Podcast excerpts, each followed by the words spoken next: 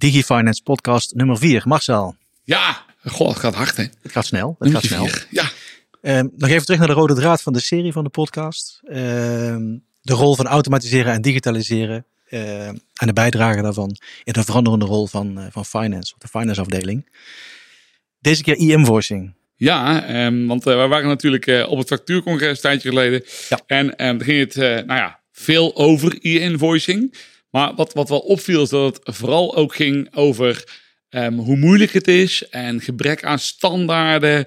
En ja, dat, het is allemaal lastig.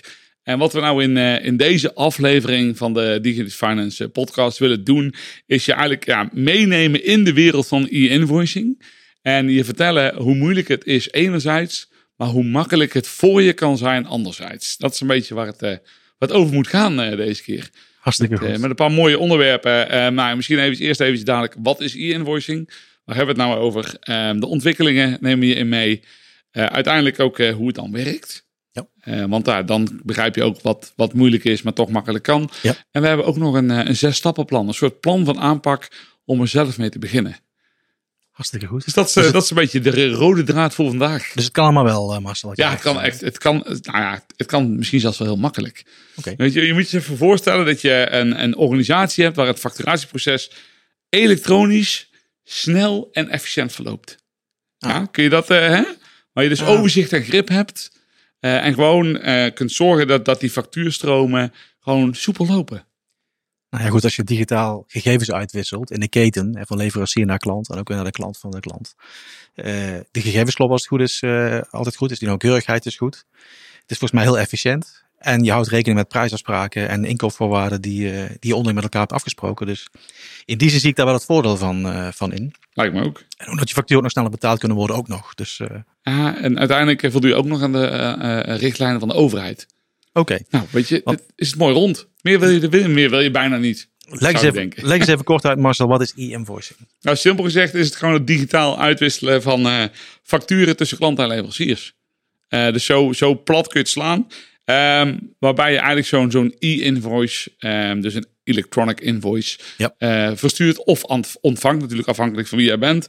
Uh, en die bestaat altijd uit factuurdata en, uh, en een afbeelding. Want dat is wel belangrijk, want um, anders kun je het namelijk als mens niet lezen. Hè? Want de data, dat, dat snappen we vaak niet. en wat dan belangrijk is, het is ook nog eens een rechtsgeldig document. Um, en je kunt het heel goed gebruiken in geautomatiseerde factuurprocessen, waardoor het gewoon, omdat de data is, sneller doorloopt. Wat is het dan niet? Dat is misschien ook wel even belangrijk om te zeggen. Het is dus geen fax. Het is uh, geen um, e-mail. Het is geen PDF. En het is ook geen XML. Oké. Okay. Um, EDI bijvoorbeeld. Uh, ja, dat is, is, dat... is, is eigenlijk ook niet, hè? Nou, je geeft aan een combinatie van een plaatje met data. Dus ja, en, en bij een EDI heb je alleen data. Ja, dus eigenlijk um, was het geen, in de letter wet was het geen e-invoice. Nee, en het is eigenlijk het, zelfs bij een XML, als je een XML stuurt, ja. nou, dat is ook pure data, um, maar daar zit geen plaatje bij. En nou, wat ik al net zeg, net als met EDI, ja, dat, dat, als mens kun je niet begrijpen wat er dan staat. Ja. Dus dat werkt helaas niet. En een PDF is wel een goed plaatje, alleen zit geen gestructureerde data bij. Uh, ja, dus is een PDF. Ook geen ook geen e-invoice. Nou, ik denk helder voor uh, om te weten, want er misschien veel spraakverwarring over is van wat is nou daadwerkelijk een, een e-invoice. Ja, wanneer is het een e-invoice? Want dat um, heel veel mensen denken, ja, maar het is toch een, een digitaal bestand wat ik stuur. PDF is een digitaal bestand. Ja.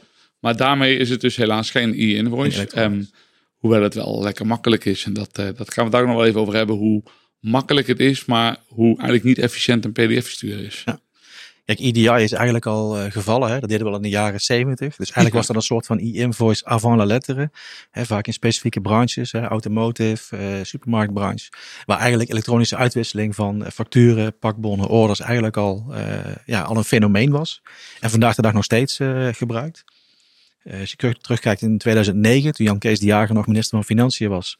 Die was heel erg vanuit de overheid bezig. Van jongens, we gaan met z'n allen gaan we e-invoicen. Dus er werd vanuit de overheid werd er heel veel uh, gepusht. En nu gaat het gebeuren. Hè? Dat was nu gaat het gebeuren. Dat dachten met z'n allen in 2009. Ik, dat dacht ik toen ook. Ja. Uh, hè, vaak zei van nou, het wordt efficiënter in de keten. compliance, kostenbesparing. Dus allemaal voordelen.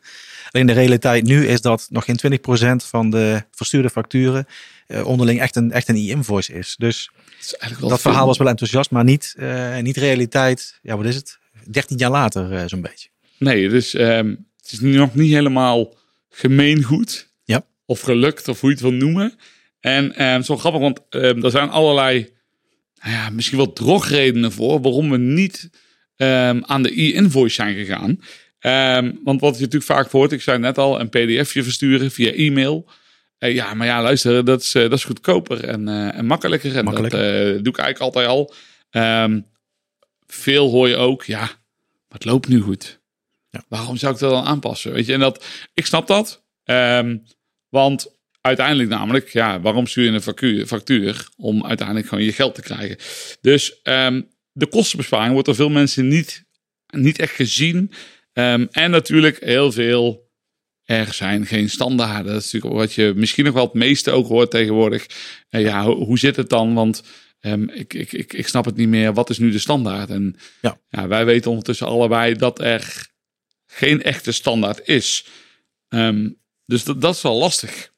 Ja, kijk, vroeger had je ook eh, een videorecorder waarschijnlijk. En, eh, ja, ik, had, ik had Betamax, jij waarschijnlijk VHS. Dus toen was er ook geen standaard. Maar dat weerhoudt ons niet ervan om toch eh, video's te, te, te, te kijken of te huren. Of, Ja, en je ziet nu natuurlijk nu wel dat, dat eh, wat net als je later zag, hè, nou, als we dan toch die analogie doortrekken, bijvoorbeeld de CD. Op een gegeven moment zie je dat, dat mensen onderling afspraken gaan maken om wel steeds meer naar die standaard te gaan. We zien het nu met eh, het stekkertje om je telefoon op te laden. Ja. Het wordt eh, Ja. binnenkort eindelijk echt verplicht om naar die USB-C te gaan. Ja. En ook eh, eh, ehm, eh, Apple, zeg maar, moet nu overstag. Dus uiteindelijk ehm, ja, lost het zich op omdat mensen graag willen dat het wel verandert. Ja. Ehm, wat wel belangrijk is, is dat kijk, eh, e-invoicing moet geen doel op zich zijn. Zo grappig, want eh, toen wij in 2009, 2010 begonnen wij te praten over e-invoicing met, eh, met organisaties. Ja. En het leek wel een doel op zich. ja, We gaan, we gaan e-invoicing doen, want dat is belangrijk. ja, een Ehm, soort hype. Ja, misschien ja, hype. ja, wel, inderdaad. En, en wat, je, wat, denk ik het, wat, wat er veranderd is, is dat we met elkaar hebben begrepen dat het niet per se eh, een doel is, maar dat het je gaat helpen. Het is een soort enabler eh, waarmee je een stukje added value kan, kan realiseren ehm, eh, binnen je finance proces. Nou ja, kijk, een factuur is ook een contactmoment. Eh, maakt ook onderdeel uit van je dienstverlening richting je, richting je klant bijvoorbeeld. Dus in die zou je het ook als een soort van service kunnen zien. Van hey, we zijn in staat om jou op een hele makkelijke manier eh, factuurinformatie eh, te sturen. Zodat het voor jouw beste ontvanger ook heel makkelijk wordt om daar, eh, om daar slim mee om te gaan. Ja, en ik denk ook dat bijvoorbeeld ehm, facturen makkelijker worden goedgekeurd. Als, eh, als je ze elektronisch aanlevert. Ik bedoel, dan is het een soort first time right krijg je dan. Kun je iets zeggen eh, over de, de, eh, deze outstanding? Heeft dat, zie je daar veranderingen in? op Nou, dat? dat is ook wel, volgens mij, tenminste dat, hè, dat is mijn ervaring een beetje en, en wat je hoort, ehm, dat je gaat gewoon, je, aantoonbaar wordt er sneller betaald. En daarmee wil ik niet per se zeggen dat ze ehm, eh, altijd, zeg maar, stel je hebt 30 dagen betaaltermijn, wil niet zeggen dat mensen dan na 10 dagen gaan betalen. Maar de kans dat die 30 dagen, dat, dat je daar binnen blijft, dat je betaald wordt, Is die is veel groter. Dus het aantal keren dat je reminders moet sturen, eh, aanmaningen en dat het uit de tijd loopt, ja, dat wordt, is veel, veel minder problematisch. Dus ja, in theorie word je ook sneller betaald, of in ieder geval wel op tijd betaald. Misschien moet je het zo zeggen. Ja, dat is misschien eh, een andere, andere, andere kijk daarop inderdaad. Ja. Nee, goed, je ziet heel veel ontwikkelingen ook. Hè. Als je kijkt naar wetgeving bijvoorbeeld. ehm, ja, heel lang eh, hè, zag je het four corner model. Hè. Je had een, een, een, bedrijf met een provider die toegang gaf tot een e-invoicing netwerk. Ja. Je had dan ook de klant van dat bedrijf die ook aangesloten was via een service provider. Dus dat was zeg maar het four corner model. Wat je nu soms ook veranderd ziet in het five of six corner model. Dus dat de overheid ook nog een stap krijgt eh, in dat hele eh, factuuruitwisselingsverkeer. Eh, soms is dat vanuit fraudedete- eh, fraudedetectie eh, en fraudepreventie. Ja, corruptie tegengaan. In, in Italië hebben ze dit al best wel snel gedaan. Zuid-Amerikaanse landen is, is een hele hoge adoptiegraad van die invoicing, juist om die reden. Ja, Ehm, eh, Frankrijk verplicht vanaf 1 juli 2024 eh, e-facturatie. En e-rapportage. eigenlijk zelfs al op 1 juni dit jaar gedaan hebben. Maar eh, dat eh, hebben ze een beetje moeten Ja, uitstellen. kijk, planning, planning is nooit realisatie, Marcel. Dat weten we allebei natuurlijk. Maar ook Polen. Hè, daar zie je dat vanaf 2024 het mandaat voor e-invoicing geadopteerd zal worden voor de btw geregis- geregistreerde bedrijven sorry, in, eh, in Polen. Wat, wat, wel, wat, wat daar ook, als je dan gaat kijken, dus dan heb je Frankrijk en Polen. En daarmee had ook besloten de, minister, minister, de minister van Financiën in België, Ja. Die uh, heeft gezegd, ja, maar dan ga ik dus dit ook in mijn beleidsnota opnemen. Dus je ziet dat het feit dat landen dit gaan adopteren en zelfs dus gaan verplichten, dat andere landen denken, hé, hey, daar moet ik ook iets mee. Uh, en wat je nu al ziet is dat in België dan per oktober aanstaande business to government al verplicht gaat worden, vooruitlopend op die business to business verplichting. En ook Denemarken heeft onlangs aangekondigd uh, dat zij uh, per, kijken, dat is ook wel een bijzonder verhaal, tussen 1 januari 2024 en 1 januari 2026 het verplichten. En dat heeft er dan mee te maken dat um, hoe, hoeveel omzet jouw bedrijf maakt, uh, bepaalt zeg maar wanneer jij aan de beurt bent. Dus in Denemarken, misschien nog wel verstandig, gaan ze het stapje voor stapje doen. in plaats van dat ze die hele brok in één keer door proberen door te slikken. Wat in Frankrijk bijvoorbeeld nu ja, voor wat vertraging heeft gezorgd. Ja. Dus Jan Kees de Jager was eigenlijk al heel vroeg erbij, zeg maar, in 2009. En nu zie je pas echt gestructureerde initiatieven om het wetgeving, uh, op basis van wetgeving verplicht te maken. En daardoor ook die adoptie van e-invoicing. Uh, we praten er al heel lang over, hè? We praten er eigenlijk al heel lang over. En dan zou je eigenlijk verwachten dat het dus heel eenvoudig zou zijn om e-invoicing met elkaar te bedrijven. Maar... Ja, dat is helaas niet helemaal waar. Of helemaal niet, moet ik misschien zeggen. Um, en dat, dat heeft er dus mee te maken, wat je, wat je al hoorde, is dat uh, nou, er zijn heel veel standaarden. Ja. Als je zegt er zijn heel veel standaarden, dan zeg je eigenlijk er zijn geen standaarden. Uh -huh. um, dat is denk ik ook het grootste probleem. Um, en dan zijn er ook nog verschillende e-invoicing netwerken. Um, en dat, dat landschap van e-invoicing dat verandert echt heel snel. Uh, je ziet ook uh, netwerken die samengaan, er komen nieuwe netwerken op. Uh, we hadden vroeger in Nederland begonnen met simpele invoicing. Um, dat is nu eigenlijk geëvolueerd naar uh, Peppel, de, de, de Europese standaard. Uh, en dat is dan weer gemodelleerd op het simpele invoice. Nou ja, en zo kun je doorgaan. Um, en ondanks al die nou ja, moeilijkheden of, of hè, uh, dat, wat het lastig maakt, is dat niet per se een belemmering. En um, dat, dat is eigenlijk wel ja, belangrijk om te kijken van ja, maar hoe werkt het dan? Ik denk vaak dat het te maken heeft met duidelijke afstemming van wat je met elkaar uitwisselt. Hè? Dus van wat moet er dan aan factuurdata van, van A naar B en wat moet er eventueel aan bevestiging terug. En vanuit het netwerk gedachte uh, trek ik altijd parallel naar, naar mobiele telefonie eigenlijk. Misschien heel gek. Nou, maar dat is uh, precies inderdaad waar je het mee moet vergelijken. Je hebt, uh, kijk, ik, nou, even pak een voorbeeld. Ehm, even kijken. Ik, ik bel via Vodafone. Ja. jij belt via KPN. Um, um, en toch kunnen wij met elkaar bellen. Zonder dat je dezelfde provider hebt. Ja, dus ook al, jij, jij hoeft niet per se ook Vodafone te hebben. Nee, dat is gewoon, en dat gaat ook voor T-Mobile. En hoe komt dat nou? Nou, um, omdat eigenlijk die providers, maar ook dan weer uh, de, de, de, degene die daarop zitten met Hollandse nieuwe Ben. Weet je, er zijn echt heel veel verschillende. En die hebben onderling afgesproken op basis van roaming gaan wij zorgen dat jij gewoon met elkaar kan bellen. Er zijn onderlinge afspraken tussen die verschillende providers. Ja. Dat ze eigenlijk uh, nou ja, doorschakelen. Dus als ik bel uh, naar jouw telefoonnummer, dan weet in dit geval Vodafone dat het een KPN-telefoonnummer is. Ja. En schakelt hem netjes door over dat netwerk. Um, en wat je, wat je ziet is dat die, die afspraken die zijn dan ook nog eens zonder extra kosten.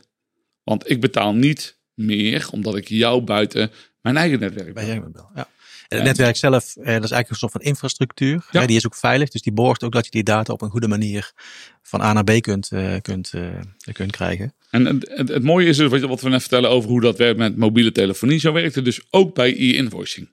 Dus uh, stel, um, je, je hebt uh, Pagero als netwerk en, en Basware als netwerk. Hè? Dat yep. zijn uh, twee e-invoicing netwerken. En die hebben dus met elkaar zo'n roaming afspraak gemaakt. En dat betekent dat als ik als leverancier uh, op Pagero-netwerk zit. En ik verstuur een factuur naar mijn klant. En die zit op het Basware-netwerk. Is er niks aan de hand, want door die roamingafspraak wordt die factuur netjes afgeleverd bij het andere netwerk. En kan dus die klant gewoon die gegevens ophalen en gebruiken om, uh, om in zijn factuur, om zijn factuur te verwerken. Dus eigenlijk geen veldje aan de lucht als het gaat om die onderlinge uitwisseling. Het is eigenlijk ook maar één provider nodig, één toegangspoint nodig tot die architectuur, laat ik het zo maar even noemen, infrastructuur. Ja. Om uiteindelijk zeg maar je klant of je leverancier te kunnen benaderen. Uh, misschien klinkt als een telefoonboek. Hè. Je kan bijna, bijna kun je opzoeken uh, welke, welke klant, of jouw klant bij wijze van spreken al bekend is binnen die infrastructuur. Van, hè, is die al in staat, is die aangesloten via een service provider en is die al in staat om daarmee een e-invoice te, te, te, ontvangen. Dus daar begint het feitelijk Eigenlijk wel logisch. Je hebt, je hebt natuurlijk ook maar één mobiele provider. Dus waarom zou je dan opeens op meerdere e-invoicing netwerken moeten zitten? Ja.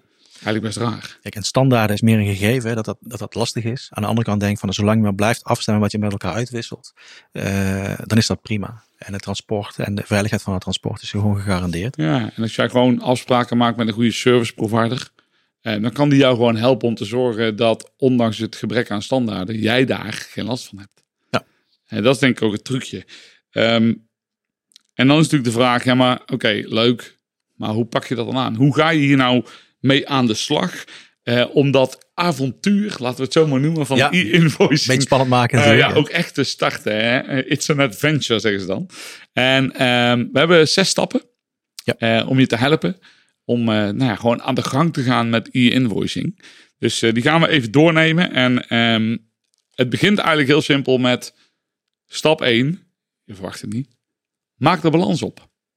En dat is niet zeg maar uh, links-rechts of uh, plus en minnen. Ja, niet. Uh, nee, nee, het, is, het, is meer wel, het gaat meer over van ben je klaar voor e-invoicing? Um, waar, waar sta je als organisatie? Draagt e-invoicing bij um, aan bijvoorbeeld je proces van finance? Wordt het sneller? Wordt het makkelijker? Um, en ga vervolgens gewoon kijken van ja, oké, okay, hoeveel facturen ontvang slash verzend ik nou per jaar? Ja. wat ga ik daarmee doen? en kan ik eigenlijk als organisatie hier al mee omgaan uh, met e-invoices. Maar ook kunnen mijn klanten of leveranciers dat. Ja. En zo ga je eerst maar eens eventjes ontdekken uh, in stap 1. Um, ehm, is het wel iets voor mij? Is het wel iets voor mij? Nou, en als het dan iets is, Dan zul je ook moeten kijken van ja, wat kost dat dan en wat betekent dat dan voor mijn organisatie. Dus dan kom je al gauw op een business case. Ja. Ik denk ook wat je omschrijft Marcel, als, als je dat gaat onderzoeken van hoe dat proces nu loopt. En je kijkt wat breder in de keten naar het borgen van inkoopafspraken. Uh, dat soort elementen, juiste prijsafspraken, echt de juiste uitwisseling van, van factuurdata. Dan kom je er misschien wel degelijk achter dat daar uh, echt wel een business case voor, uh, voor, voor te schrijven is. En dat je processen misschien kunt elimineren of kunt versimpelen. Uh, of technologie uh, kunt inzetten die je misschien al hebt of die je makkelijk kunt verkrijgen. Of dat je erachter komt inderdaad dat heel veel stakeholders uh, qua leveranciers of qua klanten feitelijk al klaar zijn om, ja, om te onboorden op, op e-invoicing. Dus een business case, op het je die business case maakt en ook gaat, gaat van hey, wat kan ons dit opleveren, dan kun je daar een goedkeuring op krijgen vanuit je, vanuit je management. En dan ja, ik denk dat je een projectteam moet gaan, moet gaan samenstellen. Nou, en zo komen we dus bij stap. Stap 3, denk ik. Ja, denk ik nou ook. Ja. Uh, projectplan en, uh, en de conceptoplossing. Uh, kijk, op het moment dat je nou ja, weet welke richting je op wil, dan ga je als projectteam ga je ook daadwerkelijk een, een projectplan maken. Um, en dan doe je een, een, uitdaging of een analyse van de, van, de, van de bedrijfsuitdagingen die je hebt. Um, en um, ja, wat, wat kan bijvoorbeeld de implementatie van e-invoicing in de weg staan? Dat, je, dat je weet waar zitten je risico's, uh, waar, waar kan je tegenaan lopen uh, qua knelpunten. Um, en uiteindelijk natuurlijk ook uh, zorgen dat je gaat kijken naar um, hoe gaan bijvoorbeeld de workflows eruit zien op het moment dat ik e-invoice ga ontvangen. Um, en uiteindelijk heb je een, netjes een volledig projectplan en ga je ook daarmee die conceptoplossing eigenlijk vormgeven. en ga je eigenlijk vastleggen van oké, wat gaan we in die conceptoplossing opnemen? Wat is nu kansrijk? En uh, ja, hoe ziet dat dan vervolgens ter implementatie eruit? Ja, dat is meteen stap 4, het implementatieplan. Eh, maar ook het testen. Van ga aan de slag met de dingen die je in je projectplan hebt besloten. Ga ook nadenken over de volgorde waarin je e-invoicing implementeert. Misschien is het makkelijk om eerst naar uh, business to government uh, te kijken. Of inderdaad naar klanten of leveranciers, hè, inkomen te uitgaan die al, al bekend zijn op het, op die invoicing netwerk. En die kun je dus al bereiken. Dus dat is, het, dat is de eerste quick wins. Maar ik denk ook dat het belangrijk is om daarin uh, alle stakeholders juist te betrekken. en zorg dat je uh, op, een, op kleinschalige manier begint.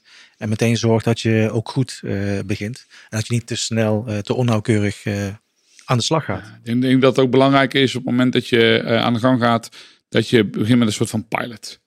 He, ga niet meteen denken, nou ga ik even al mijn leveranciers of klanten ga ik met e-invoicing bedienen.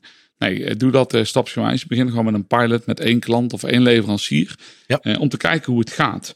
Um, en ik denk dat het gewoon belangrijk is dat je de eindgebruikers van zowel je eigen organisatie als van je leverancier of klant uh, daarin mee te nemen. Ja, ze zijn allemaal onderdeel van de keten. Hè? Dus in die zin is het belangrijk gewoon om ook je leverancier in dit soort gesprekken te betrekken. En ook je klant. Want uiteindelijk heb je een gezamenlijk belang dat je uh, met elkaar op een slimmere manier gegevens wil uitwisselen. Eigenlijk in ieders, uh, in ieders belang. En komen we dus bij stap 5. En dat is namelijk, nou ja, heel flauw gezegd, uiteindelijk um, neem iedereen mee en ga live. Ga het daadwerkelijk doen. Um, als die pilot succesvol is, uh, ga dan kijken hoe je dit gaat uitbreiden. Ga kijken hoe je meer organisaties kan onboorden. En maak een, een lijst van de belangrijkste leveranciers of klanten die jij graag zou willen meenemen um, in dat e-invoicing proces. En wat er altijd wel belangrijk is, want iedereen heeft altijd, nou, dan wil ik zoveel mogelijk bijvoorbeeld leveranciers daarin meenemen of zoveel mogelijk klanten. stel dat je gaat versturen naar, naar je klanten, ja, ga dan voor zoveel mogelijk klanten doen. Maar je kunt ook zeggen, nee, ik ga dat doen voor de klanten waar ik de meeste facturen heen stuur. Ja. Uh, en daarmee uh, pak je vaak, hè, dus die beroemde 80-20 regel, uh, um, 80% van de facturen die je verstuurt, gaan naar 20% van je klanten. Of 80% van de facturen die je ontvangt, komen van 20% van je leveranciers. Dus het is belangrijk om te kijken naar ja, van wie krijg ik bijvoorbeeld de meeste facturen binnen. Um, en dan neem je dus die leveranciers, die klant neem je mee in, in dit proces. En uh, ja, dan, uh, dan gaat dat natuurlijk gewoon gaat het rollen en kun je verder met die, met die complete livegang. Ja. Echt stap 6, laatste stap, is eigenlijk evalueren. Ik denk dat het heel belangrijk is, dat dat veel vaker moet gebeuren. Van oké, hoe hebben we dat nu gedaan? En, en wat ging goed en wat ging niet goed? Uh, daar kom je achter. Hè? Zeker ook standaarden. Hè? Dat kan best wel een, een, een heikel ding zijn. Dus daar moet je goed met elkaar over, uh, over in gesprek goed over nadenken. Ik denk dat met evalueren, dat alles wat je evalueert in die beginstappen, hè, wat je zegt, in die, in die kleine stapjes vooruit, uh, waar je je focus op legt, dat het kan helpen in het onboardingsproces van weer nieuwe leveranciers of het bereiken van weer nieuwe klanten. Ja. Dus persoonlijk vind, die, vind ik die evaluatie heel erg, heel erg belangrijk. En kan ook een succesfactor zijn om het de adoptiegraad van e-invoicing binnen de organisatie, maar ook het gemak om dat uh, ja, te gebruiken om dat groter te maken in je eigen organisatie. Wel even, laten we eens nog eventjes even, even kort alle zes noemen. stap 1 dus, maak de balans op. Ja. Belangrijk. Stap 2, de business case. De business case. Hè, zorg wat je, dat je weet wat, wat het je gaat opleveren. Stap 3, een projectplan en natuurlijk ook dat daadwerkelijk oplossing maken. Nou ja, stap 4 gaat uh, implementeren en uh, doe de eerste test. Dan komen we bij 5, leveranciers en klanten meenemen en live gaan. En 6, wat jij net al zei, uh, misschien wel eh, ook de belangrijkste stap uiteindelijk is evalueren. En op basis daarvan kijken hoe je dit nog verder tot een succes kan maken. Dus eigenlijk is je boodschap, Marcel, van jongens, ga aan de slag. Ga ja. zelf aan de slag. Ga het ervaren. ga het ervaren hoe e-invoicing voor je kan, kan werken. Ja. En misschien nog wel belangrijk, van ga niet ga niet wachten, maar, maar uh, ja, hoe zeg je dat? Profiteer nou ja. van de voordelen en ga niet wachten tot de rest het ook doet. Uh, maar, maar begin daarmee en, en ben als een soort van frontrunner uh, ook voorbeeld voor anderen in dit, in het verhaal. Ja, en ga ook vooral niet wachten tot je een verplichting opgelegd krijgt van de Nederlandse overheid. De overheid. Ga het gewoon doen. Dat is een hele mooie uitdaging, die misschien ook meteen wat vragen oproept. Dus voor de volgende podcast hebben we bedacht om in gesprek te gaan met de overheid en wel met de Nederlandse Peppel-autoriteit. Met hen gaan we in gesprek over de ontwikkelingen en de internationale ontwikkelingen van e-invoicing en de rol van de Nederlandse overheid hierin. Lijkt me een uh, mooie volgende aflevering, dus uh, tot dan. Vind ik ook. Dankjewel Marcel. Rico.